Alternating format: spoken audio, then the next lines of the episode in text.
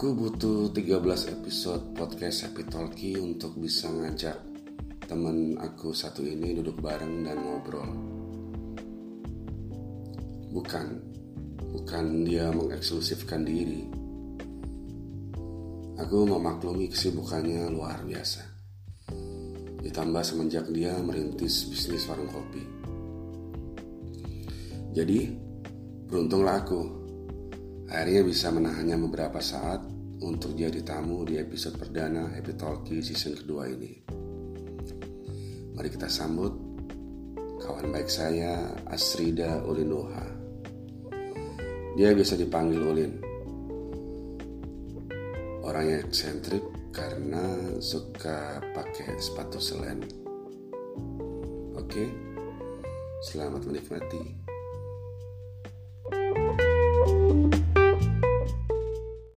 Halo, Ulin. Hai. Halo. Apa kabar, Ulin?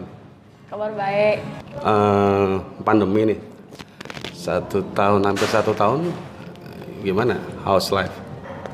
Uh, personally, I'm fine and struggling. Cerita dong, gimana setahun pandemi ini? Uh, ini ngomongin apa nih? Uh, urusan Apa aja. pribadi apa pekerjaan? Boleh pribadi, boleh pekerjaan. Oh. Random aja. Setahun ini gimana? Ngapain aja? Iya ya. Harus menata kata-kata untuk pertanyaan itu. Ah, boleh, boleh. Tak tuh boleh. Karena ini pasti terjadi ke semua orang. Mm, betul. beban hidup menjadi sedikit lebih berat, eh, perjuangan juga rasanya menjadi ya almost speechless gini karena gini mendadak yang tadinya kita nggak nemuin kita nemuin Tiba-tiba. Iya. Jadi ini kalau suruh ngomong dengan sangat lancar akan sangat susah banget karena sandungannya banyak gitu. Dan pasti terjadi ke semua orang. Nah aku juga. Karena kadang-kadang orang kalau ngeliat aku wah hidup luar biasa gitu. Kamu hebat selalu gembira. Iya sih Terlihat eh, di luarnya seperti itu. eh, hmm, ini kalau ngomong soalnya cuma luarnya doang ya dalamnya Ah, enggak iya, nah sebetulnya oke. gini aku menata diriku sendiri Mm-mm. eh, apa pun yang aku terima, aku kelola sehingga apa pun yang dilihat orang begitu apa adanya diriku. Aku tidak menyembunyikan apa pun, tetapi juga nggak brol-brolan ngeluarin semua hal. Kalau aku tidak mengeluh, bukan berarti aku tidak mengalami kesulitan atau kesedihan. Nggak nangis-nangis di depan orang bukan berarti nggak sedih gitu ya. Betul. Eh, sedih, cuma bukan berarti harus eh, berteriak-teriak dan menangis meratap di depan orang-orang gitu. Kesedihan itu punya aku, Mm-mm. hak aku mau aku bagiin ke orang apa enggak. Eh, ketika aku mengalami kesulitan, aku nggak ngeluh. Bukan berarti aku menyembunyikan gitu. Ya karena aku merasa nggak penting untuk dibagiin ke orang, karena aku sedang sibuk gitu loh aku aja sibuk untuk menyelesaikan masalah-masalah itu. Terus mana waktuku untuk bagi-bagiin ke orang ngeluh-ngeluh ke orang? Aku udah gak punya waktu untuk ngeluh. Nah itu yang akhirnya membuat orang ah kamu pasti tidak pernah mengalami kesulitan nih. Ah sek sek kosek kosek. Kau ya kenal aku. Ya itu itu jawabannya lah. Tadi apa? Kamu sendiri ngelihat pandemi ini sebagai ada orang ada voting gitu di medsos itu. The year of disaster atau the year of blessing in disguise. Mungkin selama pandemi ini mungkin ada kejadian yang oh ternyata pandemi ini seperti ini ngajari aku banyak hal seperti ini. Bisa ceritanya. Em, Jadi bilang struggling itu struggling seperti apa? Apakah itu lebih ke merutuki eh, tahun 2020 kemarin itu atau oh ternyata aku nemu hal baru nih. Aku belajar hal baru selama pandemi ini. Mungkin ada pengalaman itu bisa dibagi. baru tapi nggak baru-baru banget karena aku loner. Oke. Eh, kalau di apa ya bahasan-bahasan psikologi itu ada istilah lone wolf gitu. Lone wolf. ya kan lone wolf. Oke. Eh, aku nggak lone wolf banget. Eh, aku loner. Aku menikmati waktu kesendirian. Sehingga ketika ada sebuah keputusan penting aku harus memutuskan oleh diriku sendiri aku tidak terpengaruh ter- tidak terlalu terpengaruh oleh orang lain. Karena gini kadang-kadang keputusan itu menjadi benar ketika kita sendiri yang punya keputusan. Nah, menjadi salah karena ada banyak orang nih yang kasih suara, "Ih, gini aja. Oh, jangan gitu aja." Nah, Ketandil ya, mutusin gitu ya. nah Mm-mm. eh, adanya pandemi ini eh, yang akhirnya memisahkan orang-orang itu Oke. eh, kontak fisiknya jadi berkurang itu menjadi punya ruang aku rasa bukan cuma aku ya semua orang menjadi punya ruang yang lebih Untuk untuk menjadi dirinya sendiri introspeksi. Iya akhirnya gini ketika saya kehilangan interaksi dengan orang lain saya harus memutuskan saat itu juga oleh diriku sendiri bagaimana saya menjadi dirinya bagaimana saya menjadi menjadi diriku sendiri itu. Nah, pandemi ngasih pelajaran itu. Tapi sebelum terjadi pandemi, aku sudah begitu sih sebetulnya. Jadi bukannya nggak dengerin omongan orang ya, ah kamu tuh nggak bisa dikasih masukan ya, ya nggak juga. Aku dengerin omongan semua orang, tetapi omongan-omongan orang mana yang aku terima. Nah, yang aku terima yang kayak apa? Nah, yang aku terima adalah omongan orang yang dia ikut andil dalam hasil akhir di keputusan itu. Mm-mm. Apa ya contohnya ya? Contohnya seperti apa? Eh, misalnya kita kerja bareng nih dalam sebuah kelompok. Ini contoh kasus ya? Ini contoh kasus aja ya. Eh, kita kerja tim, pasti ada keputusan berat yang kita harus ambil bersama. Betul. Pada saat kebingungan, tim sendiri kebingungan. Kadang-kadang orang mengambil nasihat dari luar tim. Kalau orang-orang di luar tim ini punya andil dalam kerja tim, Mm. aku akan ambil suara dia. Ada kontribusi gitu sih. Eh, eh. Oke. Tapi kalau orang di luar tim ini nggak ngasih kontribusi apa pun, Kamu aku nggak akan dengerin.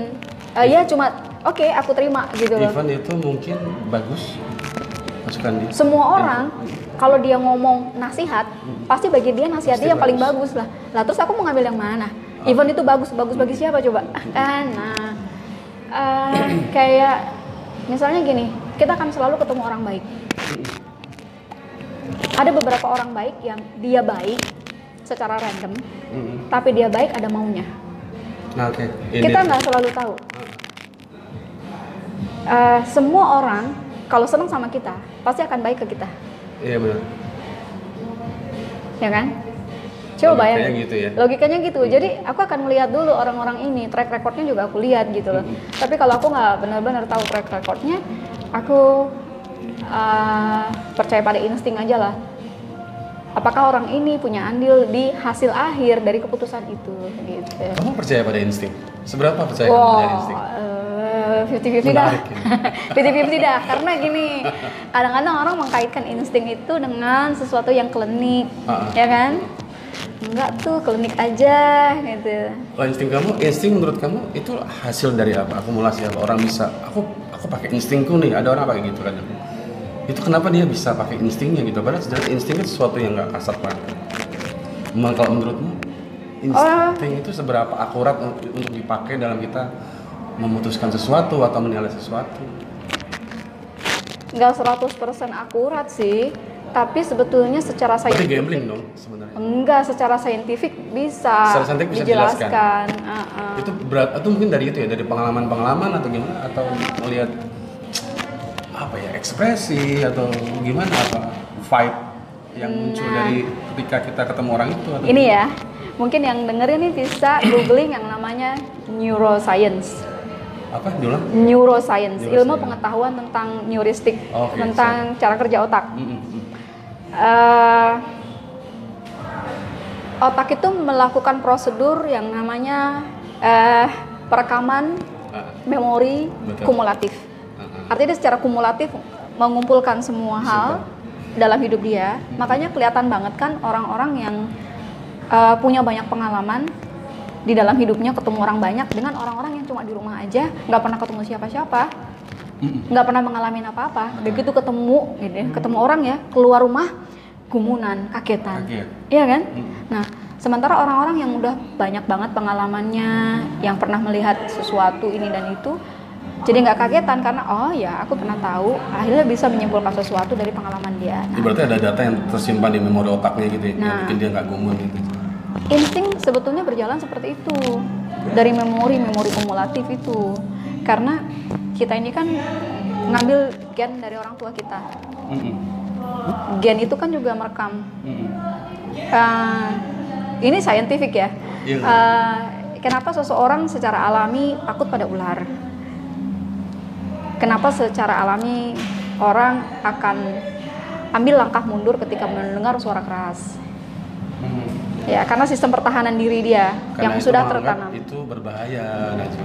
Itu otomatis. Iya ya? warn, it- apa peringatan kan? Betul. Ada peringatan. eh, otaknya bekerja memberi peringatan pada tubuh, maka ketika kaget kita akan eh, pegangan kenceng atau kita akan mundur posisinya, posisi badan akan mundur. Itu secara alami begitu. Warning itu kan muncul karena pengetahuan kita, misalnya kayak kita takut sama ular karena kita tahu ular itu berbahaya. Kalau semisal ular itu tidak berbahaya, kita tahu kita Meskipun- tidak tahu itu tidak berbahaya, kita nggak akan warning, nggak akan. Tapi gini, cobalah dikasih ke anak kecil. Anak kecil juga takut kok, padahal dia nggak pernah ngeliat ular. Misalnya Padahal ya, nggak ada pengetahuan kalau ular itu berbahaya. iya, Dia akan pegang ular itu. iya, karena di DNA-nya udah ada. Rasa takut itu sudah tertanam di DNA. Oh, Jadi DNA kita bisa membuat catatan pada DNA. Kayak contohnya gini, terutama perempuan ya. Kenapa katanya kalau orang mengandung harus hati-hati, sikapnya harus baik, ngomongnya yang baik. Karena ketika itu berjalan sedang dibentuk, DNA sedang dicatat. Oke. Nah, pencatatan pada DNA itu Dan yang itu akhirnya kita bawa. ke bawah. Nah, itu menjadi memori kumulatif itu yang akhirnya menambah pengetahuan di kita. Nah, insting itu bekerja tidak sesederhana itu pada akhirnya karena memori-memori kumulatif itu dulu pernah pernah ada trauma apa, pernah ada kejutan apa. Ah, itu setahu setauku ya yang yang pernah membaca karena ada banyak banget jurnal ilmiah yang bisa menjelaskan hal itu. Jadi insting bisa kita percaya. Makanya kenapa banyak pengusaha yang eh, akhirnya dia per- lebih percaya pada insting pada satu Dalam- waktu dari- dalam berbisnis ya. dalam berbisnis eh, daripada sekedar mengikuti omongan orang atau tren yang terjadi gitu. Bahkan kalkulasi pun mereka lebih percaya insting. Eh, itu semua kan enggak lah. Kalau urusan bisnis kan beda ya, itu harus ada kalkulasinya, harus kalkulasi. tetap gitu. Tetapi ketika semua kalkulasi sama harus memilih, saya milih yang mana. Kalau sama insting bisa jadi itu gambling ya, judi ya. Orang yang nggak punya kalkulasi. pengalaman, iya dong. Tanpa kalkulasi insting jadi gambling. Nah, Iya. makanya beda banget orang-orang yang punya wawasan dengan tidak punya wawasan. Instingnya pasti berbeda jalannya. Hmm. Eh, kayak misalnya kita ngelihat ketemu sama orang nih, Hmm. Orang ini kayaknya baik deh. Gitu. Orang ini Kayaknya. kayaknya jahat deh. Hmm. Eh, kita udah punya insting itu karena otak kita, eh, mata kita kan nyeken ya, Betul. seperti scanner kan. Eh, Dia terlihat seperti apa gitu? Iya. Otomatis masuk ke otak. ya. Iya, iya. Ada istilah profiling. Kalau di eh, dunia intelijen, Hmm. profiling itu kemampuan untuk melihat seseorang Hmm. eh, kira-kira dia penjahatnya apa bukan nih gitu. Kira-kira kayak gitu. Kira-kira dia penjahatnya apa bukan? Oh, enggak, kelihatannya dia tuh innocent, tidak bersalah, tapi ternyata dia penjahatnya. Nah, eh, intelijen itu diajari bagaimana untuk melakukan profiling sehingga bisa menarik kesimpulan kita harus eh, me- wawancara atau me- manggil orang-orang ini untuk diwawancarai gitu. Dan itu kompleks ya. Ya, Untuk dapat profilnya itu mesti banyak pertimbangan kompleks kan. ya, Dari apa yang apa pun dari orang itu, dari profil orang itu. ya. Balik ke itu lagi pandemi. Kita sampai insting kan. Iya, ini bisa panjang banget ngobrolin itu ya. Tadi kan bilang sempat struggling, struggling selama pandemi itu. Selama pandemi ini untuk kamu bisa tetap survive di struggle kamu itu untuk mesti nggak sampai apa kerasa depresi karena pandemi ini apa yang kamu lakukan buat kamu enggak enggak enggak untuk menghibur diri lah. Oh, it's nothing itu bukan apa-apa gitu pandemi. Jadi apa? Karena yoga kali nggak karena kamu udah udah pernah ngeliat aku sebelumnya ya. Mungkin ada orang yang nggak kenal aku. Sekarang gini lah, biar orang dulu yang ngomong, kamu dulu yang ngomong. Bagaimana kamu melihatku di dalam masa-masa pandemi ini? Walaupun jarang lihat juga ya. jarang lihat Selama Tapi bagaimana? kita- Tapi ketika melihat uh, informasi yang kamu dapatkan apa? bukan nah ini bertanya Ini- karena tahu Eh, kamu lah yang pernah ngelihat. Kamu kalau Iya. ngelihat aku atau dengar suaraku, Ah. kamu merasa aku orang yang bagaimana? Itu dulu aja. ya tadi yang kamu cerita kamu tuh bukan tipikal orang yang gampang untuk misalnya share apa yang kamu rasain untuk beberapa mungkin untuk orang yang benar-benar close friends kamu akan cerita Hmm. tapi untuk mungkin orang yang ya sebatas kenal mungkin nggak akan cerita kalau aku lihat aku amati gitu kadang aku kan buka-buka stalking gitu so far so good sih. Selama setahun ini nggak ada. Ya, beberapa kadang ada tulisan yang mungkin refleksi dari setahun ini tapi aku rasa semua baik-baik aja selama setahun ini dalam kehidupan. Kamu. Atau gimana? Atau aku salah menilai? Enggak juga sih, karena emang masalahnya udah terjadi di tahun-tahun sebelum pandemi. oke. Sudah punya, setiap orang punya masalah dong. dan pandemi kan mesti memperburuk dong otomatis dong bukan berarti karena pandemi justru masalahmu getting better kan enggak dong Eh, kayaknya sih harus balik ke omonganmu tadi tuh. Gimana? Ini menjadi disaster atau blessing in Ah, disguise. ah, ah. Eh, aku menyikapinya sebagai blessing in disguise. ada satu pas Eh, eh, sesuatu hal yang terjadi, Hmm. hal buruk yang terjadi pada kita, Hmm. pasti ada alasannya.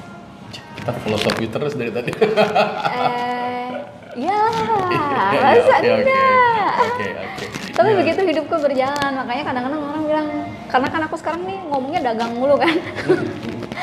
dagang mulu emang karena sekarang kerjanya dagang gitu. ini bertepatan juga kan waktu pandemi itu kan Ulin ini punya kedai kopi di gang, gang warung ya sebelumnya Hmm. warung kopi alam itu bertepatan saat pandemi pindah ke Jalan Singosari Mm-mm.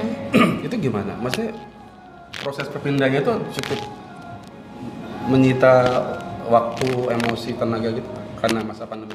Tenaga pasti, tapi emosi nggak terlalu bisa ngatasin.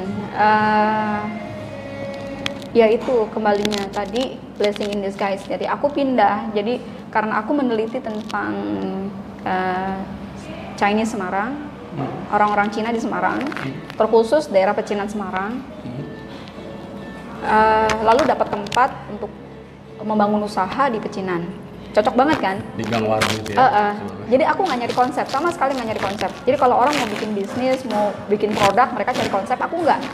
Konsepnya udah ada, maksudnya nggak nyari gitu loh. Penelitianku tentang itu, eh, pangsa pasarnya secara umum orang Semarang kan udah kayak gitu. Kita nggak ngomongin Chinese, rata-rata orang Semarang gitu kok modelnya. Akhirnya aku udah tahu produknya kayak apa. Ini produk yang bisa diterima lidah orang Semarang tuh yang kira-kira kayak gini. Ini. Ah, ah. aku udah punya wawasannya, udah punya pasarnya. Dilalah ada yang nawarin Itu juga melalui modifikasi ya yang pasti ya. Ada modifikasi misalnya kayak produk gimana bisa diterima oleh orang-orang Semarang gitu. Pastilah, pastilah ada trial and error gitu Hmm, karena oke. ini aku pertama kali terjun bisnis F&B karena aku basicnya bukan orang bisnis kan, Hmm. Uh, aku basicnya penulis, uh, meneliti, baca Nah, buku media. gitu, iya mentoring gitu, jadi nggak mikirin bisnisnya kadang-kadang gitu. Ini mulai bisnis di warung kopi alam ini. Iya, yang yang murni berbisnis. Itu running by doing atau emang kamu udah, udah ada basic untuk bisnis itu? Eh, sebagai informasi, Warkop Alam ini foundernya dua, Hmm. aku dan Pak Alam. Bapak alam. Nah, aku ketika di awal tuh eh, Pak Alam kan ngajak ya.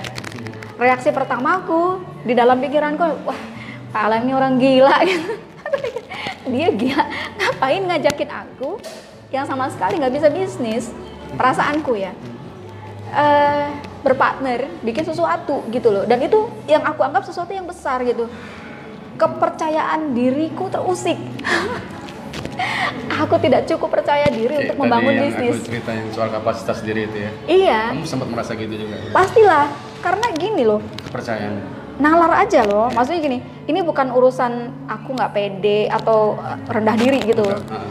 Eh, aku memang nggak punya pengalaman itu, sehingga aku orang yang berusaha tahu diri gitu loh. Tapi dengan yang kita cerita tadi, kalau Pak Alam kasih kepercayaan ke kamu, berarti dia tahu kalau kapasitas ada di situ.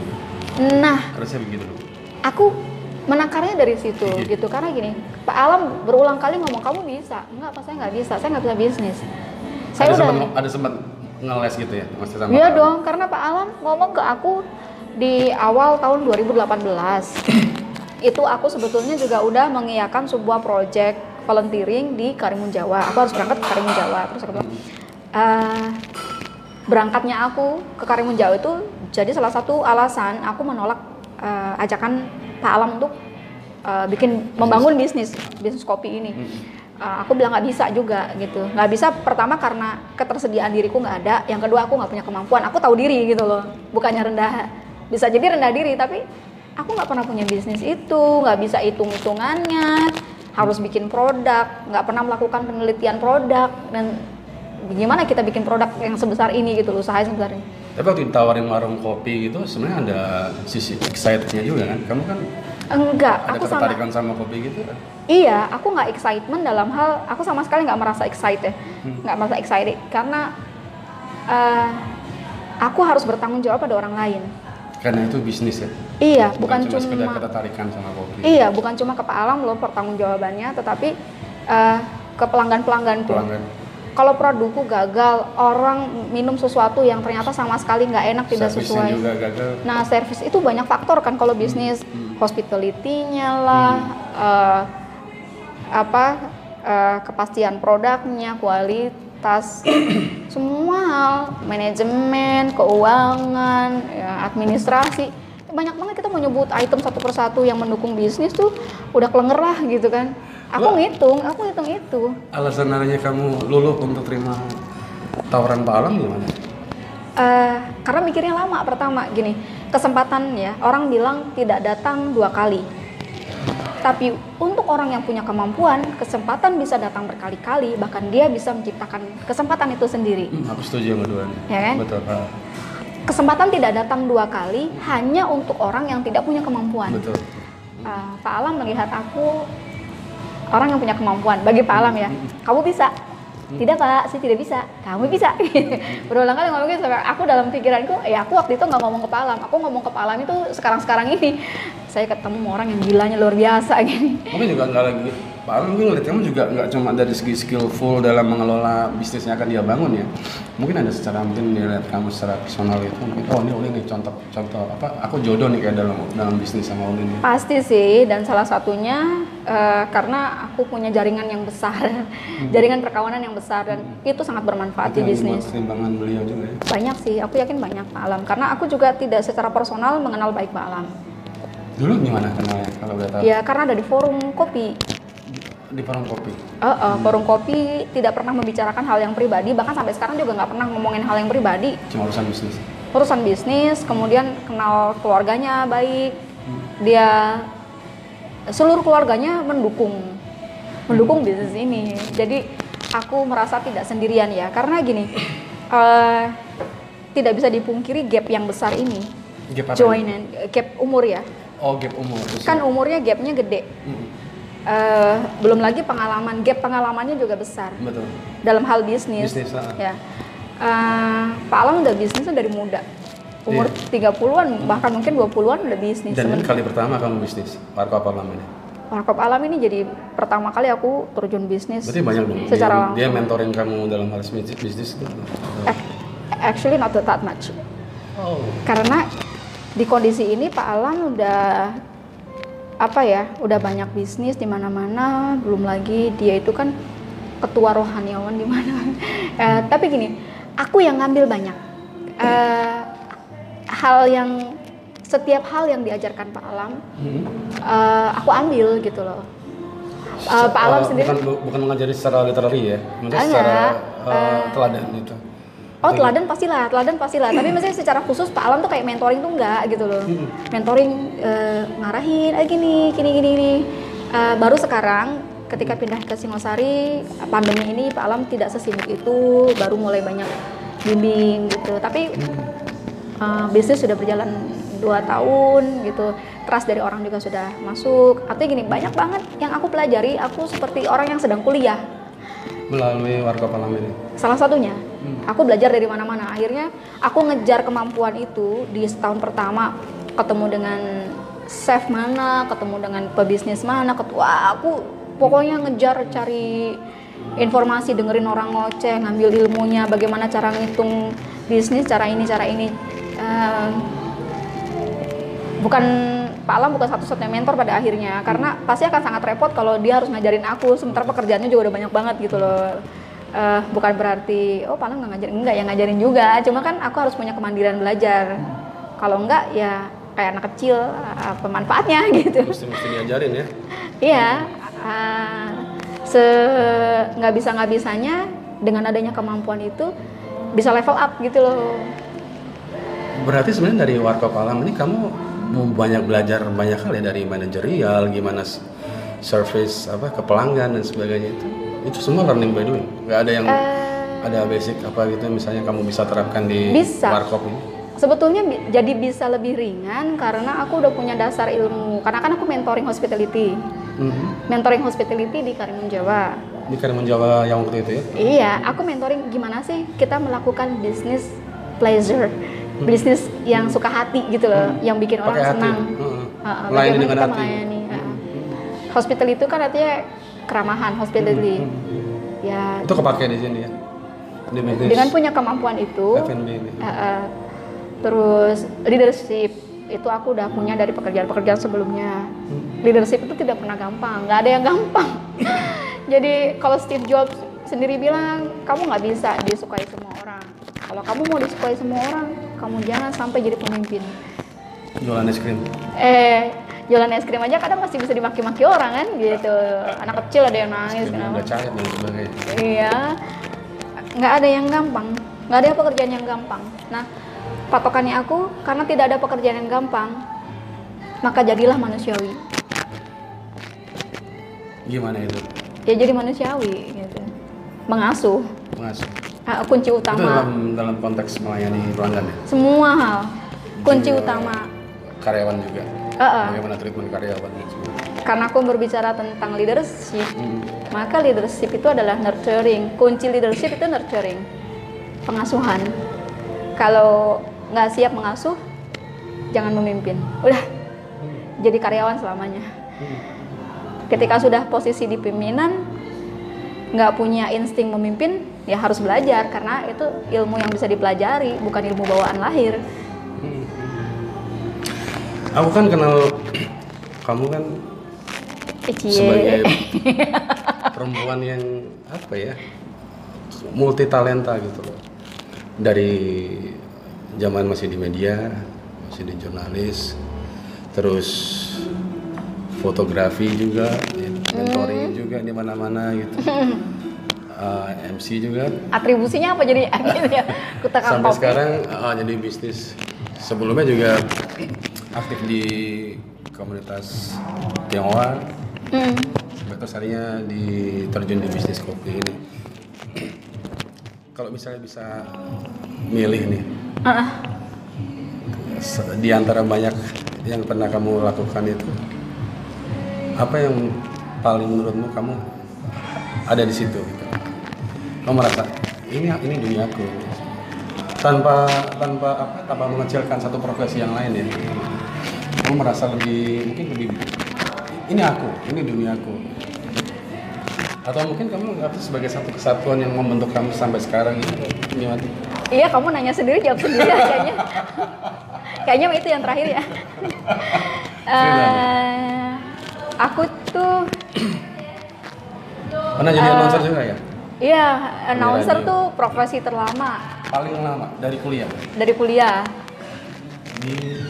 Dulu 98. Semangat. Iya, gue tua. Kelihatan. Iya. ya tinggal ngitung aja dah. Aku aku sama sekali tidak pernah takut menyebutkan usia sebetulnya. Padahal itu kan itu biasanya perempuan seperti itu selalu. Mungkin ya, karena? Berarti stres. kamu bukan perempuan. Iya, ya Allah, aku aku makhluk dari luar angkasa. Eh, aku nggak takut menyebutkan angka usia. Yang aku takut adalah reaksi orang setelah mereka tahu angka usiaku. Reaksinya yang aku khawatirkan. Kenapa? Ada ada kejadian gimana? Ya banyak lah kejadian kayak misalnya gini. Aku suatu ketika dipanggil eh, dosen sebuah university untuk sharing di luar kuliah. Wah, dia ngarahin mahasiswa banyak banget. Aku dateng lah gitu kan. Eh, terus Tahun aku- berapa? rodok suwi. aku Oke. agak agak lebih muda dari hari ini. Beberapa tahun yang lalu. Eh, terus eh, aku nggak ngerti nih sebagai orang yang bakal ngomong di depan. Kamu di situ anu speak. Iya, kan Oh, sharing kan, sharing oke. ilmu kan. Aku harus duduk di mana? Ini modelnya kayak apa duduknya? Terus aku cari tempat duduk kosong akhirnya di eh, mbak mbak mbak itu sebelah situ kosong gitu oke aku duduklah di antara para peserta mahasiswa ini Oh, oh, oke oke lanjut dulu. oke terus eh, sampai akhirnya kemudian MC maju ngoceh terus manggil kan aku baru duduk sebelahnya si dosen ini Mm-mm. gitu. Baru semua orang kaget. Mereka bingung mau manggilku mbak atau ibu gitu. Ya terserah lu lah. Lu manggil apaan juga gitu. Ini intinya aku datang ke sini mau ngoceh aja berbagi pengalaman. Nggak ada urusan mau kamu manggil apaan gitu. Selama kamu sopan semua akan baik-baik saja. Meskipun tanpa label panggilan tertentu. Nah, itu sering banget kejadian kayak gitu. Nah, nggak enaknya adalah ketika misalnya gini loh, eh di angkutan umum atau misalnya di ruangan yang semua orang berdiri ada kursi kosong satu atau dua. Oke. Aku nggak dikasih kursi gila. orang lain dikasih kursi. Tapi mungkin kalau sekarang aku udah mulai sedikit ke ibu-ibuan gitu mukanya kan udah jauh lebih tua banget gitu umurnya gitu. Ah, orang udah mulai ngelihat kadang-kadang manggil ibu juga, apalagi kadang-kadang pakai bajunya formal, ya tuntutan kerjaan gitu kan. Ah, tapi kalau aku pakai baju harian biasa ya orang kadang juga masih bingung. Em, itu kultur sih, aku nggak masalah. Aku menyadari bahwa aku tinggal di Indonesia, sementara kehidupan sehari-hariku tidak se-Indonesia itu gitu. Emang gimana kehidupan sehari-hari? Liberal lah, Iya. nggak pakai panggil-panggilan apa gitu, terserah aja. Kalau dulu uh, kerjaanku Yang uh, Yang- inter- kan sempat jadi penerjemah dan interpreter. Oke. Uh, aku Pernah jarang translator Indonesia ke Inggris atau ya? Indonesia bisa Indonesia. keduanya makanya terus karena pekerjaan itu aku pegang cukup lama kan sambil jadi penyiar jadi penyiar tuh gaji kecil banget jadi aku Iya, harus cari orang jajan lah, ya. iya Orang lebih ke hobi ya kalau jadi penyiar itu ya. bukan hobi butuh kerjaan emang ada Enggak, yang kadang untuk gitu. menyalurkan hasrat cacisusnya kan orang kadang butuh mic dan didengar aku nggak nggak butuh menyalurkan hasrat karena aku sudah punya penyaluran lain Ya, itu waktu itu. Eh, banyak sih Eh, Tulisan atau iya iya ya itu salah satunya Hmm, blog. Hmm, ada blog dulu tapi udah mati. multiply ya, multiply kan udah off. Oh, waktu jadi announcer tuh nggak nggak ke orang ngobrol ya, lebih ke news ya. Uh, bukan Oh, ju- gitu. ya ya ada yang news, ada yang siaran hiburan lagu pop gitu juga ada. Oh. Uh, jadi kita butuh katarsis kan. Semua orang butuh katarsis. Betul. Jadi media sosial sejak adanya media sosial Sejak tingkat adanya, berarti pernah ngalamin ada sejak. Iya, sejak adanya media sosial, sosial media ini tingkat stres orang turun, tapi dianya bikin stres orang lain. Iya, tingkat stres seseorang. Iya. Jadi dia marah di mana-mana melemparkan kemarahan dan ketika kita membaca kemarahan, energinya kita tangkap. Kita tahu-tahu marah tanpa kita tahu alasannya. Artinya kita adalah medium. Kita harus bisa ngelepas juga. Padahal kita sendiri udah, udah punya marah gitu kan. Ah, karena aku loner, aku lebih sibuk eh, membereskan masalahku sendiri ya. Aku sibuk membereskan masalahku sendiri dan sibuk meningkatkan kualitas diriku. Akhirnya hal-hal negatif itu walaupun aku terima tidak sebanyak yang mungkin diterima orang yang sosialnya juga tinggi. Kalau dibilang orang sih sosialnya aku tinggi juga, cuma bersosial terus tuh melelahkan kalau buat Melelahkan. aku. Hmm. Karena interaksi dengan banyak orang juga malah ya. Karena kita butuh untuk menarik diri sebentar. Iya. Koneksi dengan orang-orang. Iya, dan salah satu caraku adalah grounding dan meditasi. Nah ini banyak. Ini menarik nih masalah meditasi nih. Dulu pernah cerita suka meditasi dengan berbagai hal gitu, misalnya kayak pohon atau nggak pakai alas kaki atau itu gimana? Oh, Awal iya, iya. Kecintaan meditasi itu. Awalnya sih karena dibilangin Dari eh, sejak kapan? lama banget itu mah. Itu Udah pengetahuan seperti apa orang kamu perlu bermeditasi gitu untuk rilis stres atau gimana atau apa? Iya, kadang gini. Hal yang sederhana aja gini, kita nggak punya stres, tapi teman kita datang curhat. Stresnya dia diserap Otomatis. sama badan kita dan pikiran kita. Kalau kita nggak ada katarsis medium untuk melepas stres itu, untuk melepas energi itu, maka itu akan bertahan di badan itu kita. nggak maksudnya atau apa orang cerita ke kita terus otomatis kita serap bisa dijelaskan secara Nah, ilmiah atau bisa. atau kita nggak bisa kita ignoring gitu kamu cerita tapi aku nggak nggak nggak akan itulah nggak akan nggak akan aku serap energi negatifmu itu Ya bisa lah. Dalam ilmu psikologi itu kan ada yang namanya kematangan diri ya. Kematangan berpikir. Orang yang matang pasti dia bisa me- berbeda cara pa- cara cara penerimaannya dengan orang yang tidak matang gitu. Orang-orang yang tidak matang itu kan cenderung lebih khawatir, punya rasa takut yang tinggi, orang lain sedih ikutan sedih gitu, orang lain takut ikutan panik. Eh, Kadang-kadang ketakutan-ketakutan yang sebetulnya eh, nggak perlu kita rasain kan gitu. Kan banyak banget terjadi kan? Kayak waktu film 2002 atau apa tuh yang kiamat? 2012 Ya 2012. Hmm. Itu kan film. Please tapi efeknya gede loh gitu. sampai orang pada bunuh diri massal itu orang sampai segitunya. Lah, karena berarti kan ketakutan kekhawatiran sendiri.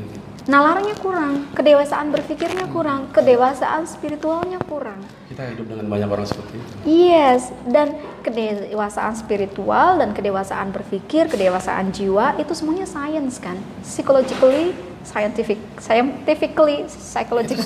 saya saya scientific ya. Iya. nggak ada nggak mesti nggak ada hubungannya dengan saya lebih ke religion gitu Ya gara-gara mungkin religi dia yang dia tangkep, nalar dia jadi kurang. Kalau kita bahas di ilmu psikologi kan itu ada kajiannya kan, Hmm. artinya saintifik dong. semua bisa dijelasin soal ilmiah ya Eh, iya dong. everything everything ada beberapa hal yang kita nggak bisa dapat penjelasannya pertama. Karena kita nggak tahu karena kita, yes. Sebenarnya ada. Belum nyampe nalarnya. Cuma kita belum sampai. Iya tapi meskipun kita belum nyampe nalarnya ke situ Hmm. hal pertama yang harus kita lakukan kalau aku adalah bertanya benarkah begitu? Gitu. Ketika nalarku nggak nyampe aku akan bertanya pada diriku sendiri benarkah begitu? Dan kadang celakanya pada saat dia nggak tahu jawabannya ada orang yang menawarkan jawaban yang itu kadang keliru. Dan itu jadi kebenaran buat dia karena dia dapetnya dari orang lain kan dari orang yang lain ya. dan Iya. itu keliru kadang. dan dia nggak mempertanyakan dirinya sendiri itu makanya. kadang-kadang jawaban itu ada Nah. dalam diri kita kan gitu makanya iya kadang kebenaran bisa jadi relatif ya. Iya bener bener. Pinter banget kamu. iya bener. Kamu bener. Iya. Banyak kejadian seperti itu. Orang menerima jawaban dari seseorang yang keliru dan dia anggap itu sebuah kebenaran. Pada saat itu kebenaran jadi relatif. Padahal kebenaran nggak relatif. Kebenaran harusnya kan absolut. Namanya benar kok. Ah, Benar nggak ada, benar benar nggak ada yang setengah benar setengah. Menurut kamu? oh boleh, nggak apa-apa, nggak apa-apa boleh. Tapi eh, secara Iya, eh, kalau coba. kalau kalau di ilmu sosial kebenaran itu nisbi. Nisbi itu apa? Mutlak. itu enggak. Oh, bukan. Karena ke- kebenaran itu nisbi. Nisbi Nisbi, itu itu bisa menyesuaikan terhadap suasana, Oh, oke. tidak mutlak. Jadi apa yang kata aku benar, Secara ilmu sosial ya. Iya. Apa yang, kamu kata benar lu? belum tentu benar bagiku. Iya, coba dinalar, ya kan? Kita bisa bertengkar tentang Iya, sebuah oke, hal. Oke, oke. Kamu udah bertahan, bagi kamu Hmm, benarnya benar. begini, gitu. Bagi aku itu enggak. Coba kayak gini, orang berdebat tentang, eh, Bumi itu bulat. iya dia bilang bumi datar. Atau yang sederhana gini, kayak warna telur asin ya, Tosca. Ah, Satu orang bilang ini biru, satu orang ini bilang hijau.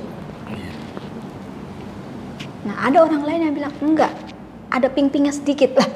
Bisa jadi ada orang ketiga ngomong ada ping-pingnya sedikit, gila kamu gitu kan? Kebenaran bagi orang itu itu telur asin itu pink.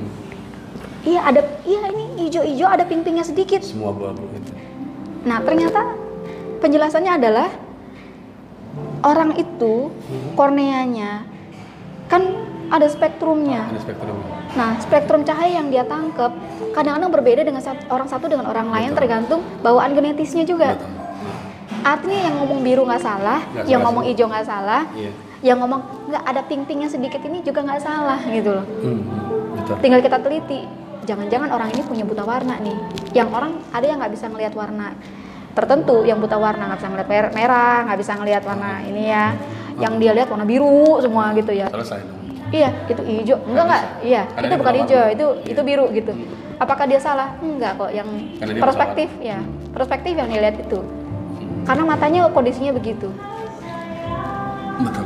Nah, kebenaran akhirnya menjadi nisbi. Nisbi itu menyesuaikan dengan keadaan. Benar bagi dia dalam kondisi gini dan itu bisa dijelaskan gitu. Tinggal kita punya wawasannya apa enggak. Selama kita nggak punya wawasannya, maka itu akan hanya ter- hanya menjadi pertengkaran aja gitu, nggak selesai. Iya, iya benar. Balikannya pada orang yang punya wawasan dan punya kedewasaan. Mm. Kematangan ya. Maka kematangan itu penting. Banyak banget orang yang wawasannya luas tetapi dia tidak punya kematangan berpikir dan tidak punya kematangan bersikap. Wawasannya hanya sekedar wawasan. Ketua eh pinter banget secara ilmiah gini. Mm. Tapi ketika ada sebuah keadaan dia nggak bisa menyikapi dengan cara yang benar, dengan cara yang sesuai ya.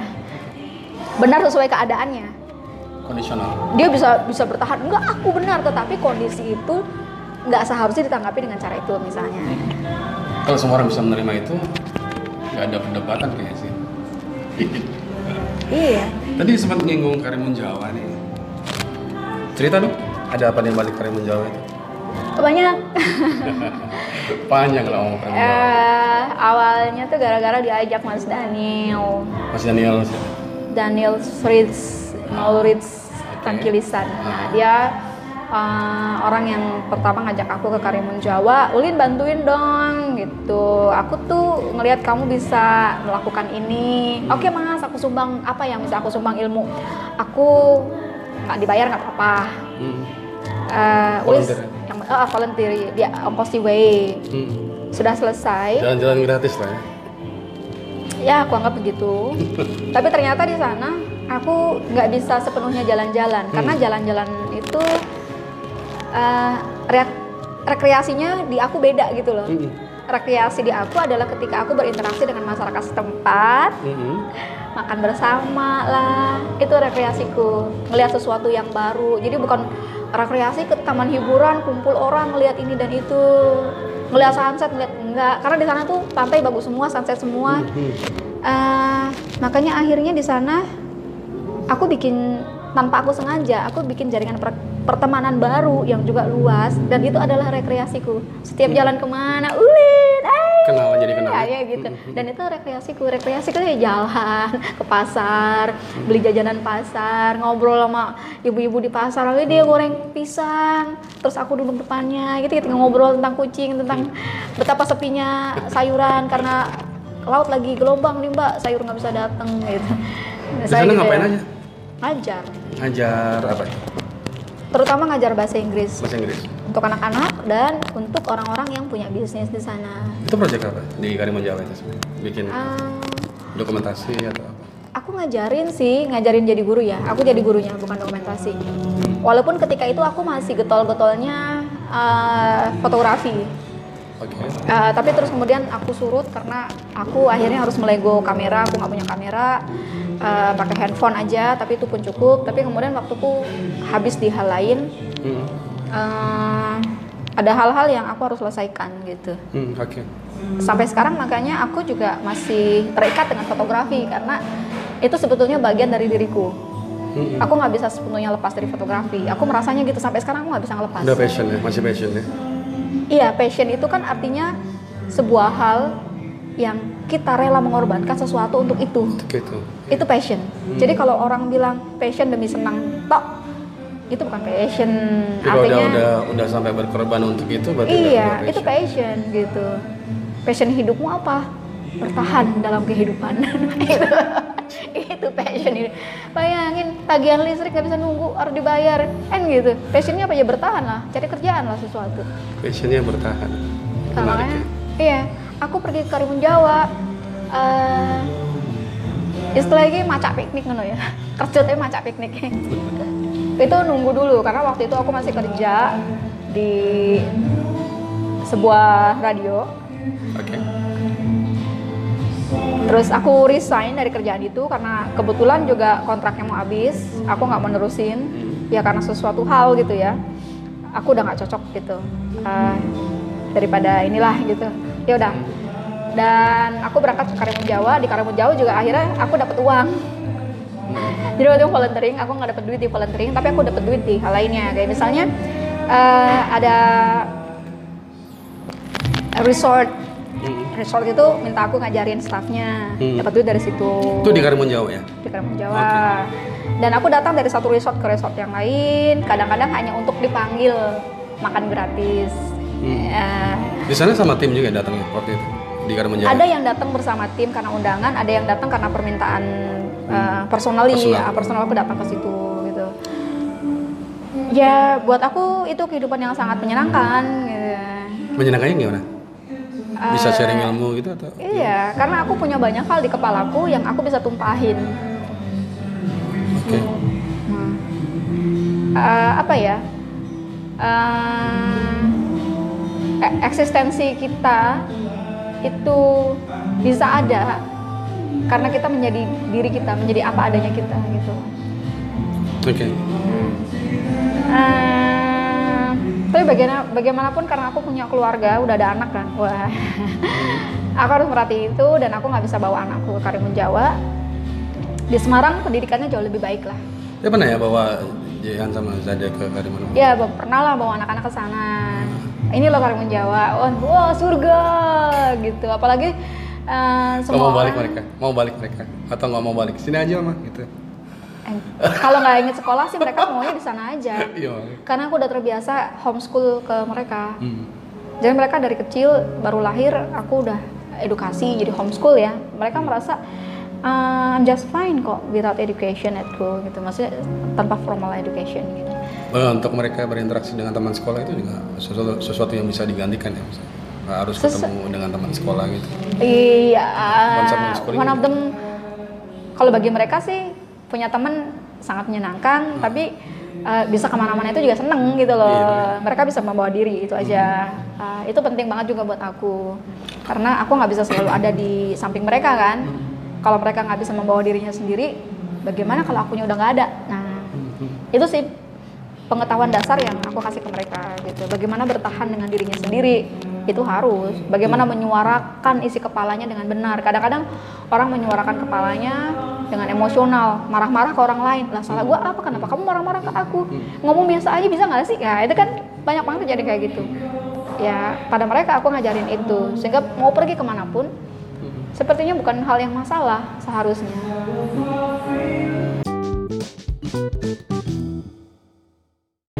Oke. Beberapa orang kan mengenal kamu kan Ulin tuh seorang yang perempuan yang independen gitu ya. Iya iya, gimana gimana? Terus gimana nih? Eh, Seneng aku dengerin. Apa kata orang ya?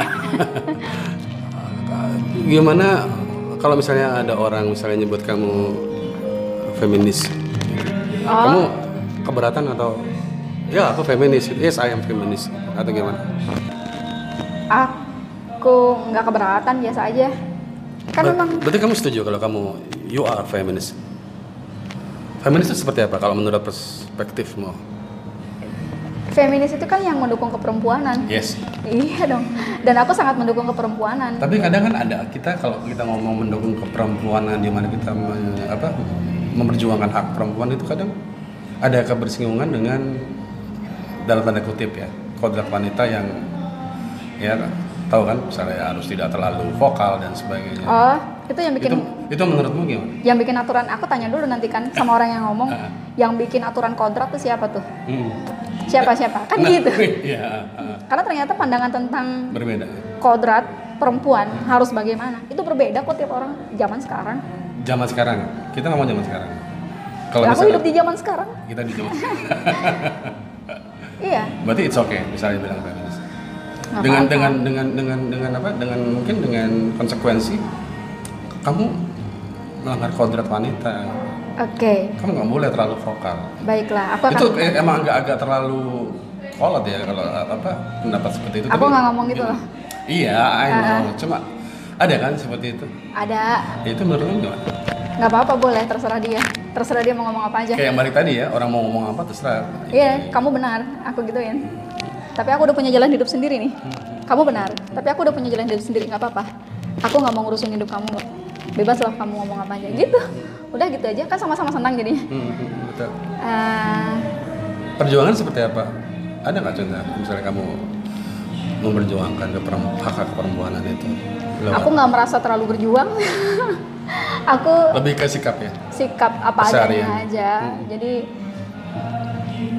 ini masih berbicara tentang feminisme. Hmm.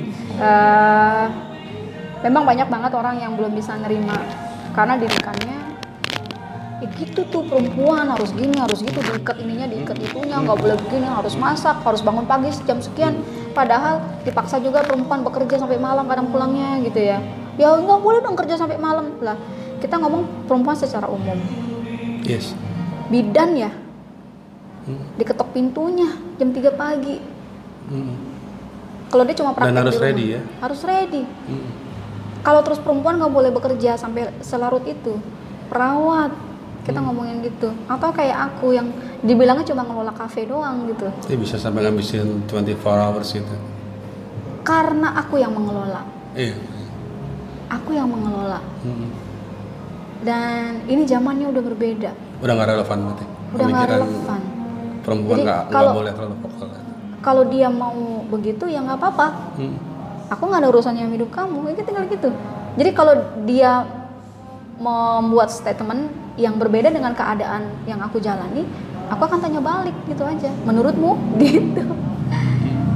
Ah, kontribusimu apa dalam hidupku? Itu pertanyaan kedua.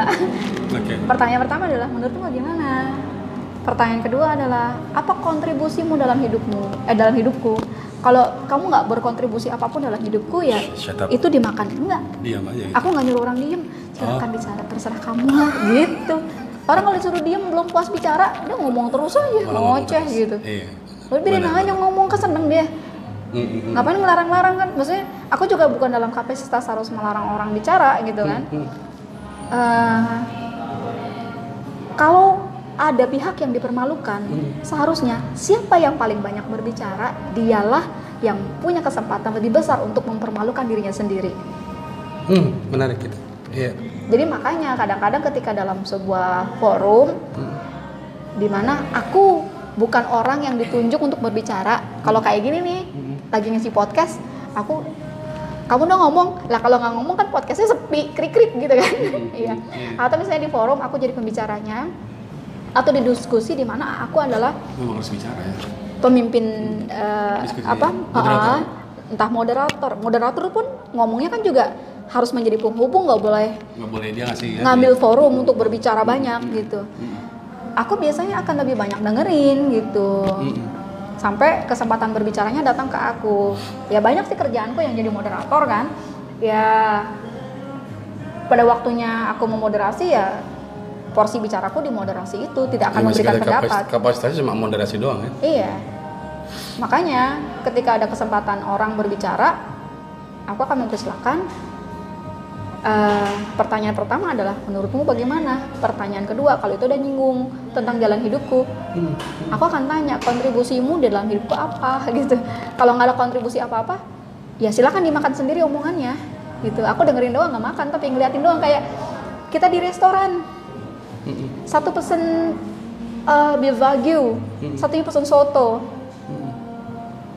Pesanan yang lain datang gado-gado. Itu bukan pesananku. Aku nggak mau makan itu. Kalau aku masih makan itu, aku rakus. Yes. Dan itu banyak terjadi di orang-orang makan omongan semua orang dengan rakusnya. Lalu perutnya sakit, otaknya sakit, jiwanya sakit karena kekenyangan dengan semua omongan itu. Padahal dia bikin sendiri itu ya. Iya, ya berhentilah bicara, berhentilah makan omongan orang kalau kamu tidak mau sakit. Makan secukupnya, dengarkan secukupnya. Nah, itu yang aku jalankan dalam hidupku. Makanya kenapa aku kelihatan baik-baik saja. Karena aku makan dengan cukup, dengarkan dengan cukup. Sesuai porsinya. Mm-mm. Kalau sudah overwhelmed, apa berlebihan, karena apalagi di bisnis hospitality nih ngelayanin orang, pasti ketemu orang yang ada yang ngeluh lah, ada yang mau curhat, mbak aku mau curhat gitu. Ada kayak gitu.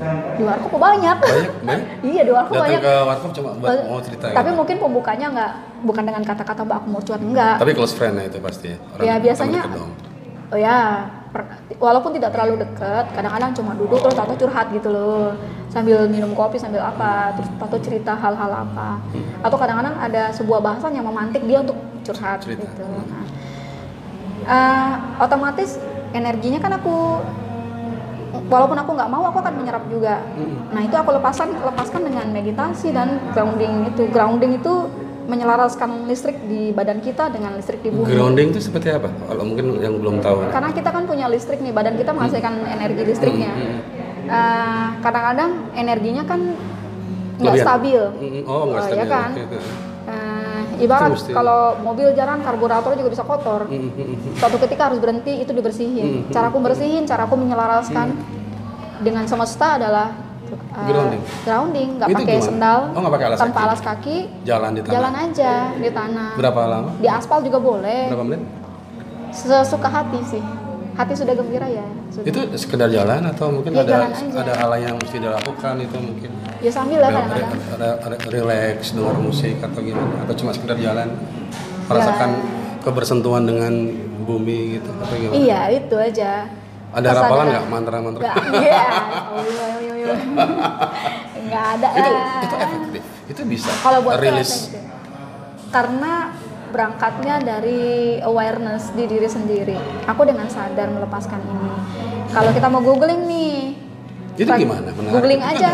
Iya, googling aja frekuensi otak. Otak kita mengeluarkan ada frekuensi. Makanya kadang-kadang kita kalau ketemu orang baru ketemu saat itu, oh kayak nyambung. Nah, frekuensinya nyambung. karena frekuensi. Oh berarti jokes kita nyambung nih frekuensi kita nih itu beneran ada ya benar. Secara saintifik benar. ada dijelasin. Karena otak kita ngeluarin frekuensi emang. Dan frekuensinya bisa pada posisi yang berbeda. Suatu saat bisa berbeda. Bisa. Bisa suatu saat nyambung. Iya. Nyaut gitu ya, Bisa naik, bisa turun kan. Oke. Masih sering grounding meditasi gitu. Masih lah, cuma yang nggak sering yang sekarang eh, kayak meluk pohon itu kan udah susah nih sekarang. Di rumah Eh, masih ada tapi dong. Masih ada. Pohonnya itu. Masih. Dan pohon itu paham kok. Karena pohon itu juga mengeluarkan energi. Oke. Ada penelitiannya. Tumbuhan ya? Iya, tumbuhan tuh ketika misalnya ada ada ada penelitiannya, jadi ada perekaman suara ketika daunnya disobek secara paksa, Mhm. dia akan mengeluarkan semacam jeritan gitu. Mhm, ada oke. noise gitu, Oke, rrrt oke, gitu kan. iya. Nah, ketika dia disiram, ketika dia disayang gitu. Tanaman-tanaman itu ngasih dan tanaman itu menyerap energi Mhm. manusia yang ada di dekatnya, Mhm. Lalu dia memurnikannya di tanah kembali kepada semesta. Sudah Hmm. itu bersih. bakal bahasan bakal tambah luas kalau kita ngomong soal reinkarnasi ya. Janganlah, ini i- baru makanya- pemurnian. iya, iya. baru Iya, pemurnian enggak, enggak, enggak, enggak. Itu nanti nanti itu episode yang lain lah segitu. Iya, ini aja bisa jadi berapa episode. Oke, eh, ini menarik ini. Aku tuh ada satu pertanyaan yang sebenarnya lama banget aku pengen tanya gitu. Sejak aku kenal kamu, kita kenal dari zaman rumah media itu kayaknya. Iya, rumah media Rumah tuh. media kan? Tuh, enggak, ada Mbak Osi banget. sama Mas Iya, Mas Wiwin, Mas. Aul.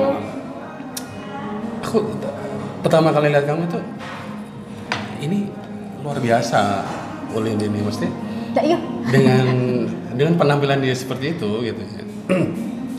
Bisa dekat dengan komunitas Tionghoa itu. Itu gimana ceritanya awalnya bisa dekat sama Teman-teman di komunitas Tionghoa? Kayaknya takdir ya. Takdir. ya? Iya, bagiku takdir sih. Awalnya gimana? Event apa yang mungkin yang bisa motivasi? Oh ya, aku ini orang yang mudah menyesuaikan diri Yes, anu. karena aku butuh menyesuaikan diri dengan lingkungan. Dengan begitu aku selalu safe, aman. Karena aku orang yang susah. Pernah mengalami hidup susah. Oke. Orang mah kalau nggak ada susahnya mah nggak asik kan. Oh, iya. Eh, insting dasar bertahan hidup adalah dengan bisa menyesuaikan diri dengan orang Betul. lain. Nah, karena mudahnya itu dan iya dan aku punya wawasan terhadap ras Tionghoa. Mhm. Aku punya wawasannya. Jadi aku tidak terlalu asing. Jadi ketika berhadapan dengan orang-orang ras Tionghoa, Mhm. eh, aku kegumun. Kayak orang yang biasa aja. Karena ada pengetahuan sebelumnya. Iya, karena udah ada wawasan itu. Dari zaman kuliah atau zaman masih Dari zaman kecil. bocah, masih bocah. Iya, karena bapak memang kasih pengetahuan itu ke aku. Oke, dari Jadi- bapak ya pengetahuan itu. ya? Iya, jadi aku udah udah dikasih tanam ilmu tuh banyak banget tuh, kayak Oke. ilmu kanuragan nih. Eh, bapak ngasih ilmu banyak banget. Kita ke Tionghoa dulu, nanti baru ilmu apa aja tuh Oke. di belakangan. Eh, jadi ketika aku berhadapan dengan orang-orang Tionghoa sama sekali tidak canggung. Itu yang membuat mereka bisa nerima aku, aku bisa nerima mereka. Sikapku ini yang karena tidak canggung, tidak kaget, eh, mudah berbaur, Oke, yang ada, akhirnya ada, ada acceptance itu. ya. Iya. Diterima di komunitas itu. akhirnya bisa diterima sama mereka gitu. Ingat nggak awal mulai event apa yang kamu benar-benar kamu ada di komunitas itu? Kopi, Kopi. iya. Eh, Tahun berapa itu? 2000 seingatku tuh 2014 2015 ya. Jadi 2014 itu aku harus wawancara orang. Itu masih di media berarti? masih di media. Oh, Kalau nggak salah ingat 2014 posisiku di El Sinta. El Sinta. Nah, tapi sebelum di El Sinta pun aku udah kenal orang itu, orang itu udah pernah tahu aku gitu loh. Hmm, hmm, hmm. Eh, terus ada tugas penugasan harus wawancara, harus Hmm. cari informasi, harus ini. Itu menjadi lebih mudah karena udah pernah sama-sama tahu walaupun dari jauh gitu ya. Oh, sebelumnya udah pernah tahu satu? Iya, iya, tapi kan orang cuma sekedar tahu itu kan hal yang biasa ya. Apalagi aku orang media tuh pasti pernah ketemu siapa. Hmm. Banyak banget yang pernah ditemuin. Nah, dari situlah terus mulai eh, ketemu antara aku dan narasumber punya ketertarikan yang sama. Oke. Lalu setelah aku nggak di El Sinta, Itu wawancara radio ya awalnya atau gimana? eh, ya untuk untuk feature ya. Oh. Ah. Eh, terus eh, juga aku bantuin temen karena temen lihat aku aku ini loh eh, dapat salam dari si Anu kamu gitu pak pak siapa bu siapa gitu Oke. Nah, oh iya gitu karena dulu tuh aku gampang dimintain tolong gitu loh jadi kalau misalnya komunitas di Semarang itu kan hidup banget Hmm. Eh, dan saat itu aku tidak sesibuk itu Iya. jadi kalau misalnya aku bisa bantuin orang, kenapa tidak gitu? Karena hidupku banyak dibantuin orang. Jadi cara aku membayar adalah dengan membantu orang lain gitu. Oke. Karena orangnya udah bantuin aku, mungkin udah ke mana aku nggak ngerti. Aku mau balik balas ke dia, belum tentu dia butuh bantuanku kan. Orangnya aja udah nggak tahu di mana. Yes. Aku meneruskan itu pembayaran Hmm. balas budi itu kepada orang lain. Orang lain. Nah, jadinya karena hidupku banyak susah. Nah, ini kayak gitu. Banyak susah dan aku banyak dibantu orang. Aku nggak bisa balas balik ke orang itu. Orang yang udah bantuin aku, maka aku membalasnya, membayarnya dengan membantu orang lain. Nah, karena aku banyak melakukan itu, sehingga jaringan pertemananku menjadi luas sekali, termasuk orang-orang Tionghoa ini dan orang-orang Tionghoa di Semarang. Aku rasa tidak sebesar itu jaraknya dengan orang lain. Mereka cukup bisa menerima orang di luar rasnya. Hmm, cukup ngeblend ya kalau di Semarang ya? Iya, ngeblend banget. Uh, sentimen-sentimen rasialnya itu tidak sebesar di kota lain. Di kota-kota lain. Di kota besar lain ya. Hmm. Uh, karena posisiku adalah posisi orang yang membantu, otomatis aku diterima dengan baik lah orang-orang yang ini kan. Uh, 2015 aku mulai ada di lingkungan orang-orang Tionghoa karena aku suka kopi dari lama sekali. Jadi ketika diajak ngomong kopi itu antusiasmeku tinggi gitu loh. Nyambung. Nyambung. Jadi bukan cuma nyambung tetapi tanpa antusiasme yang sangat tinggi. Hmm. Ngomongin kopi. Nah, eh, ada Pak Mul, ada Pak Basuki, itu orang-orang Pak Basuki dan Mabutik. ya? Dharma Putih Roastery itu roastery yang udah 100 di 2021 ini udah 105 tahun. Hmm.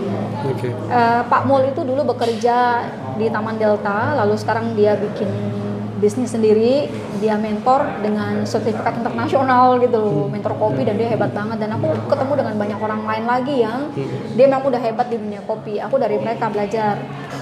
Eh, ada event-event kopi, aku bantuin. Tidak dibayar.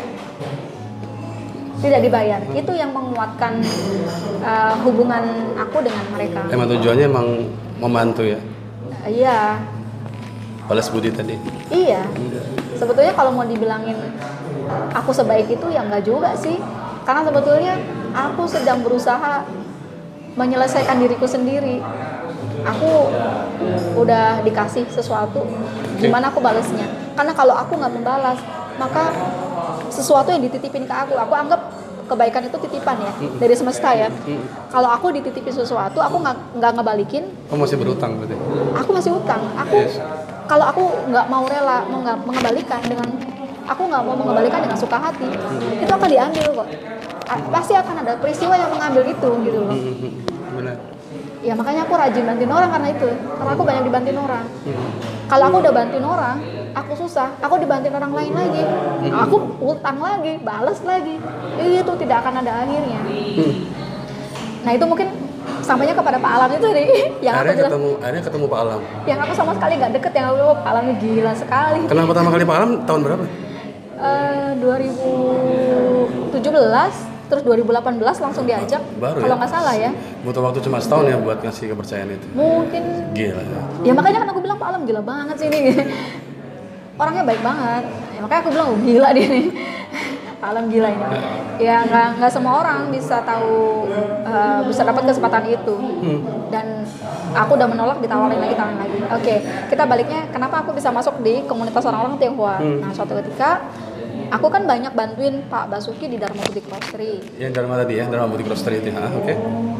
Bantuin apa nih waktu itu? Eh, macam-macam marketingin jualin produknya jadi ada orang nitip ke aku eh kamu di situ ya nitip dong dan karena aku pernah di media tiap kali ketemu orang wawancara butuh wawancara karena gini dulu Dharma Putih Roastery tidak terbuka secara umum untuk dimasukin orang terkecuali kalau janjian dulu lah Oke. atau ada event sesuatu nah eh, lambat laun orang bisa masuk ke roastery secara bebas dan wartawan-wartawan yang mereka eh, masih khawatir apakah aku bisa diterima kalau wawancara ke situ oh, bisa ada dong. kekhawatiran itu ya? Eh, eh, padahal Pak Basuki orangnya enak banget gitu aku kadang bikinin Mungkin waktu itu emang sentimennya belum sebaik sekarang atau gimana? Entahlah Tahun-tahun berapa? ya bisa jadi ya tapi itu tahun tapi tahun 2014 2015 aku rasa Mungkin lebih sentimen dari ke personalnya ya. mungkin ke personalnya ya Iya. ya ya banyak dikontak sama wartawan terus akhirnya lama-lama eh, wartawan-wartawan itu aku bilang gak usah lewat aku lah langsung aja nih Langsung tak- aja. aku kasih nomornya Pak Basuki gitu Udah Jadi- open ya? Jadi mereka kontak Pak Basuki sendiri untuk wawancara langsung eh, dan aku bikin narasi-narasi tentang Dharma Putih Roastery Hmm. udah di situ. Terus akhirnya Pak Basuki merekomendasikan aku untuk jadi pengurus di Buniantong. Buniantong itu eh, 2000 berapa sih? 16 atau 17 sedang cari pengurus. Waktu itu emang kosong. enggak sih enggak kosong banget karena kan ada pergantian pengurus dan kamu ketuanya. Iya. Masuk di dalamnya. ketuanya saat itu Pak Har. Eh, sekarang juga masih Pak Har sih terpilih sekian kali. Butuh eh, energi-energi muda untuk menghidupkan Bunyantung gimana caranya gitu. Terus aku direkomendasikan sama Pak Basuki. Hmm. jadi pertama masuknya karena satu dua orang lalu direkomendasikan terus aku jadi ke mana-mana akhirnya dan semua mengalir dengan normal aja jadi karena memang di awal aku nggak ada niatan harus berada pada komunitas Tionghoa aku merasanya mereka ya kayak orang aja biasa nggak ngeliat rasnya Nggak ada anu unsur ras di situ ya. nggak ada Saking kan ngeblendnya itu ya. Ya Iya. sama sebenarnya nggak ada nggak ada perbedaan sama sekali. Iya kan kayak aku kamu kamu rasnya apa ya nggak tahu lah gitu kan ya udah jadi teman aja.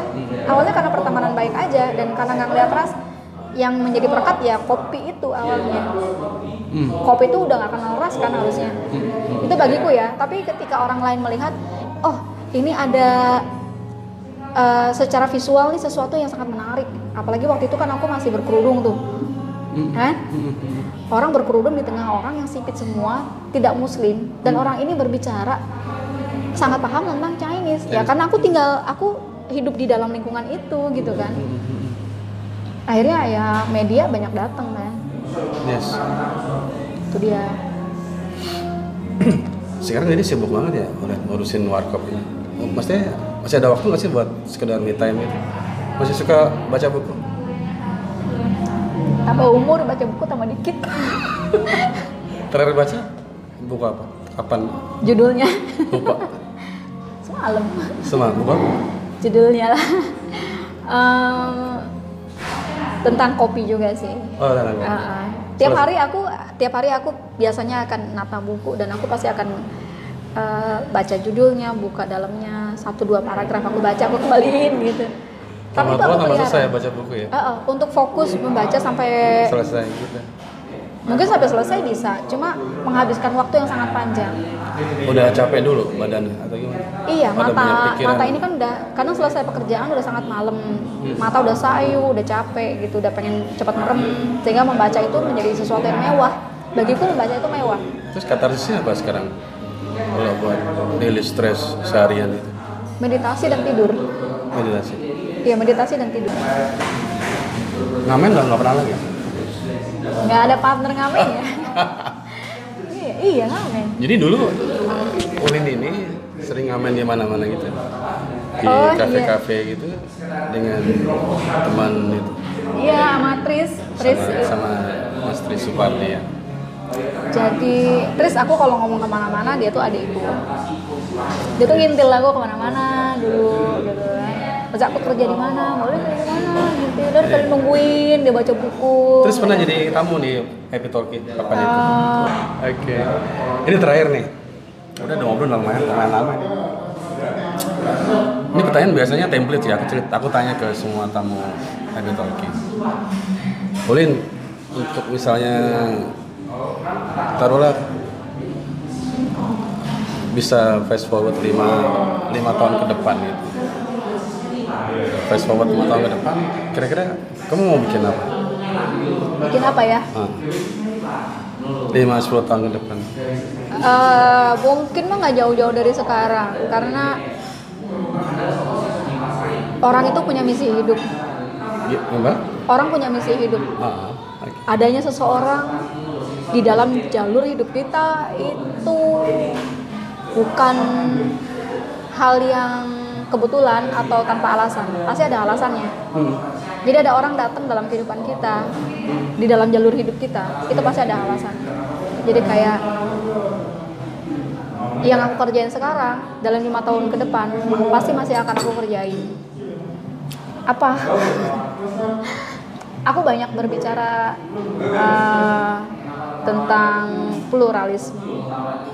Oke. tentang humanity tentang self awareness itu yang aku sampaikan ke orang-orang. Karena semakin berkembang sebuah zaman semakin modern uh, semakin banyak orang yang kasihan. Semakin banyak orang yang kasihan uh, semakin banyak jiwa-jiwa yang kesepian. Kalau orang udah punya awareness, udah punya kesadaran di dalam dirinya, dia mau sendirian, dia tidak harus merasa kesepian. Oke. Nah, Alone but not lonely ya. harus nyampe. Uh, uh, but not lonely. Uh, ngomong tentang uh, pluralisme, bahwa ras itu hanyalah sebuah garis yang menghubungkan kita dengan leluhur kita. Tetapi secara kemanusiaan akhirnya sama. It's nothing ya. Gak ada artinya apa-apa ya. Berarti berarti dalam hal eh, menjadi manusia saja gitu. Jadi kalau manusia itu kan punya naluri alami untuk eh, memastikan dirinya dengan leluhurnya. Iya cuma sebatas itu aja. Iya, mencari akarnya. Tapi untuk sekedar nama sebuah nama humanity itu nggak ada artinya apa ras. atas nama humanity ya hanya menjadi sekedar pembeda bahwa kamu dari mana dari mana sehingga saya tahu akar saya dari mana Mm. kita punya naluri itu kok kita pengen tahu akar saya dari mana saya keturunannya siapa dari daerah mana itu itu naluri alami Ada nggak mimpi besar untuk 5 atau 10 tahun ke depan itu tentang pluralisme itu? Mau bikin buku atau project apa gitu? Eh, iya bikin buku kalau bikin buku sekarang sedang dalam usaha nah itu lagi kalau Kan progress udah mulai? udah mulai tapi bikin buku itu kan harus baca nah sekali lagi baca kemewahan dengan pekerjaan yang sekarang jadi ya sambil berjalan aja gitu Udah Mungkin- kerjaan udah agak agak long- longgar bisa mungkin ya lebih fokus. Iya, karena membuat buku tidak sesederhana kalau kita menulis tulisan kolom. Karena aku sekarang kan rajin nulis tulisan kolom tuh apa pun hmm, tentang itu. Eh, kebijakan di dalam diri kita itu tidak muncul tiba-tiba gitu loh. Oke. Itu terjadi dari banyak hal. Nah itu yang aku keluarin, aku keluarin, aku keluarin. Nanti kalau udah banyak kayaknya pasti jadi buku lah gitu ya. Aku nulis tulisan banyak banget. Udah rilis semua. belum semuanya nanti aku klasifikasi eh, nanti mungkin kalau ada rezeki bisa rezeki itu bukan hanya uang kan kesempatan juga ya bisa jadi berapa buku berapa buku gitu. Aku juga nggak nggak nggak bisa menjanjikan bahkan kepada diriku sendiri ya. Yang penting semua usahanya dijalankan. Kalau mau bikin buku ya harus berusaha membaca harus berusaha cari informasi harus berusaha meneliti dan harus berusaha menuliskannya. Usaha usaha itu aja yang aku jalanin. Udah dikit dikit dikit dikit. Lama-lama jadi banyak nih menuliskannya untuk dibagi dengan orang lain ya yang tadi ya. Pastilah. Dan yang lagi aku jalani sekarang kan aku membangun warkop nih. Suatu ketika aku menyadari ya bahwa ternyata aku bukan cuma membangun bisnis tetapi aku membangun harta karun. Membuat harta karun. Legacy. Legacy. Eh, aku membangun legenda ternyata Oke. Eh, itu ku sadari. Kemudian ya oh ternyata aku membangun legenda itu karena dari banyak sekali buku yang aku baca omongan orang-orang. Salah satunya eh, ada seorang profesor dia pengajar di Singapura. Dia bilang bisnis yang sustain yang kita tahu adalah legend di zaman sekarang adalah bisnis yang dia terus ngomongin banyak macam-macam dan itu semua dipunyain warkop alam Oke. Itu bisa disebutkan apa aja yang dipunyai itu? pertama eh, kamu menjadi dirimu Kamu menjadi dirimu. Eh, eh. Pertama. sehingga gini kalau kamu jadi dirimu kamu bikin produk yang keluar dari dirimu kamu bisa ngomong ke orang coba kita Karena kamu mengenalnya ya. iya karena aku kenalin banget. Oh ini anakku. Aku bisa ngomongin gitu ya. Oke. Eh, kita ketemu banyak banget sales yang gagal. Karena aku sales kan. Yes. aku tukang jualan ya sales kan. Kita ketemu banyak sekali sales yang gagal. Aku mempelajari. Karena sales ini nggak paham bagaimana menjelaskan tentang produknya sehingga Produk knowledge-nya kurang. iya orang mau beli aku nggak ngerti produknya ya ngapain aku Obat, beli ibaratnya gitu. salesnya aja ragu sama produknya apalagi yang mau beli gitu. Iya. Iya. Mm-mm. Eh, jadilah dirimu. Terus yang kedua, eh, dari di Jepang ini ada sebuah penelitian. Bisnis yang sustain, salah satunya adalah bisnis yang kembali pada akar atau bisa bikin akar di situ. Akarnya seperti apa itu kalau di warkop alam itu? Akar apa Culture. yang dia maksud? Hah? Culture lokal. Culture lokal. Culture lokal. Apa itu culture lokal? Ya orang Oh. Chinese Semarang kan, peranakan Cina, Semarang. peranakan, oke. Dan hal tentang peranakan Semarang aku nggak usah susah-susah neliti karena aku udah penelitian sebelumnya. Terus itu semua yang aku pakai. Jadi semua ilmu yang aku punya sebelumnya itu yang aku pakai.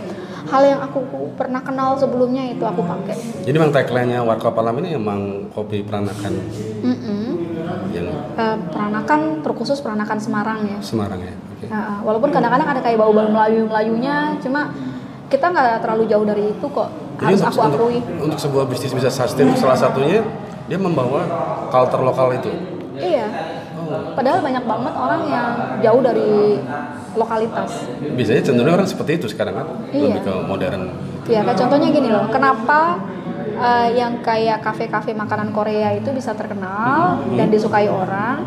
Karena dia mainnya eh, budaya lokal. Budaya lokal Korea tuh gimana Korea. sih? Nah, tinggal dia ngemas aja kan.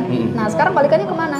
Oh, zaman udah modern, kita harus ngikutin Dia modifik. mau iya metode pengemasan aja balikannya gitu ya udah metode pengemasan zaman sekarang kayak gini ya kita ngemasnya juga ngikutin Mm-mm. tapi basicnya sebagai lokal kalau diangkat itu bisa jadi bagus banget. Kenapa Korea ini kayak kimchi? Kimchi itu kan makanan lokal di sana bukan makanan barat. Terus dibawa ke sini gitu loh. Dan kita seneng kita terbawa euforianya ya itu nanti urusannya sama Drakor ilmu, juga kan? Yes. Bagaimana drakor bisa sukses kan enggak itu. sama ilmu komunikasi, sama ilmu bisnis, ilmu branding, ilmu apa, ilmunya aja dipakai. Nah, itu yang aku pakai. Kalau mau sustain, ya kita harus mengasuh. Oke, yang pertama tadi mengenal diri sendiri, Iya, jadi diri kedua sendiri. membawa produk apa? Culture lokal. Iya, Yang ketiga, lokal itu maksudnya akar ya. Akar kita ke mana? yes, rootnya ya. Eh, eh, kayak misalnya gini, bubur Manado. Heeh. Kalau yang jualan yang bikin orang Manado asli dengan orang Jawa, Mm. itu pasti beda gitu. Tapi aku keturunan Manado atau rumah makan Padang coba. Orang lebih prefer makan yang benar-benar asli yang dibikin orang Manado ya Di pasti. lidahnya beda lah. Pasti beda. Di lidahnya beda lah. Terus Ceklannya beda ya pasti. Ah, ah. udah gitu gini, kalau suruh cerita nih, orang Manado lebih bisa Hmm. Dia bercerita. lebih bisa bercerita. Daripada Detailnya yang- itu. Ah, ah. Rumah makan Padang tuh bisa di mana-mana karena yang jualan orang Padang. Meskipun Anda bukannya orang Padang, tapi beda mesti taste-nya ya. Beda lah. Mana kita ketemu orang Jawa buka rumah makan Padang? Yes. Nggak ada. Yang ada adalah orang Jawa kawin sama orang Padang bikin rumah makan Padang, tetap Padang juga kan akhirnya. Nah, itu akarnya ke mana Ada lagi selain dua itu? mengasuh Mengasuh customer? harus semua Pel- semua pelanggan, karyawan? iya itu kan kita kan nanam benih ya benih itu harus diasuh kan Oke. membangun sesuatu itu membesarkan sesuatu itu kan kita harus mengasuh. Nah itu tiga hal itu. Itu kunci buat menjadi diri sendiri. bisnis yang sustain. ya di samping itu modal lah. Menjadi diri sendiri. Terus kita tahu apa akarnya. Meskipun kita nggak pakai budaya kita akar awal mula yang membuat saya bertahan karena apa Kalau kopi memang peranakan itu ya? Kalau ini roots. Uh, uh, kalau akar di jiwa aku karena aku udah seneng banget sama kopi ya. Jadi mau ganti model apa pun selama ngomong kopi oh ulin banget nih gitu. Oke. itu kan akarnya di aku secara kejiwaan. Aku tuh kalau ngomongin kopi udah seneng banget. Dan orang akhirnya karena aku seneng mereka percaya dengan itu. Mereka ikut seneng juga gitu. Karena aku nggak nggak bikin bikin kan. Ya kita dengerin orang berbicara kalau dibikin bikin senengnya dengan orang yang kelihatan Kelihatan. seneng banget kelihatan banget Beda mesti. Nggak tulus sama kelihatan. ya? Iya. Em, yang ketiga itu pengasuhan itu mau ngasuh. Ngasuh itu kan banyak faktor nanti harus kayak orang inilah orang tua yang punya wawasan parenting dengan orang tua yang nggak punya wawasan parenting. Nah itu nanti Yes. eh, eh, nanti ada faktor-faktor keilmuan kita pakai pakai lah. Aku orang yang saintifik, jadi ilmu-ilmu yang aku tahu aku pakai kalau aku nggak punya aku belajar. Tapi kadang fail juga nggak dalam menerapkan tiga hal itu. Kalau fail mah fail dalam aplikasi keseharian ya, ya sering lah. Nggak ada hal yang tiba-tiba sukses tuh nggak ada sih. Aku kalau ketemu sama orang-orang yang udah di bisnis, mereka mengalami banyak kegagalan, banyak kesalahan. Trial error biasanya. Iya, Oke. tapi kadang-kadang eh, error itu terjadi bukan bukan karena trial, Karena bukan karena percobaan, tetapi karena memang udah jatahnya. oh Iya. Kalau banyak mentor-mentor itu kan bilang kita punya daftar panjang kesalahan. Jadi kalau bisa kamu jangan melakukan kesalahan yang sama. Sama. Kalau udah ada kesalahan nih, itu dipelajarin Dicatat. kesalahannya. jangan sampai kejadian lagi. Heeh. Terus gimana nih? Harus diapain nih? Aku berusaha keras melakukan itu supaya tidak terjadi lagi. Kayak Thomas Alva Edison waktu dia bilang dia bikin seribu percobaan bikin lampu yang gagal, dia di ini contoh ya misalnya di seribu satu dia berhasil, dia bilang gini, sebelum aku bikin lampu yang benar itu aku tahu cara gimana seribu cara bikin lampu gagal, kayak gitu. Jadi sebelum kita berhasil apa kita nemu cara yang benar, kita minimal udah tahu gitu loh. Cara kita tahu cara bikin yang gagal. Jadi kita jangan ulang lagi gitu. Kalau kita pakai komposisi yang gagal itu kita pasti salah. Kayak gitu. Iya. Pun misalnya kita pakai lampu yang sama, Iya, caranya yang beda kan gitu. bisa gitu. Iya kan? Nah itu. Itu juga yang aku kerjain sih. Jadi kalau misalnya nggak pernah gagal, enggak lah. Ada saat-saat aku merasa sangat putus asa, merasa Apalagi sangat dengan, sedih. dengan banyak orang juga ya. Iya. Nggak ada yang tiba-tiba dan orang-orang yang mendukung di saat aku sedang merasa titik paling rendah itu yang akhirnya jadi aku ingat gitu.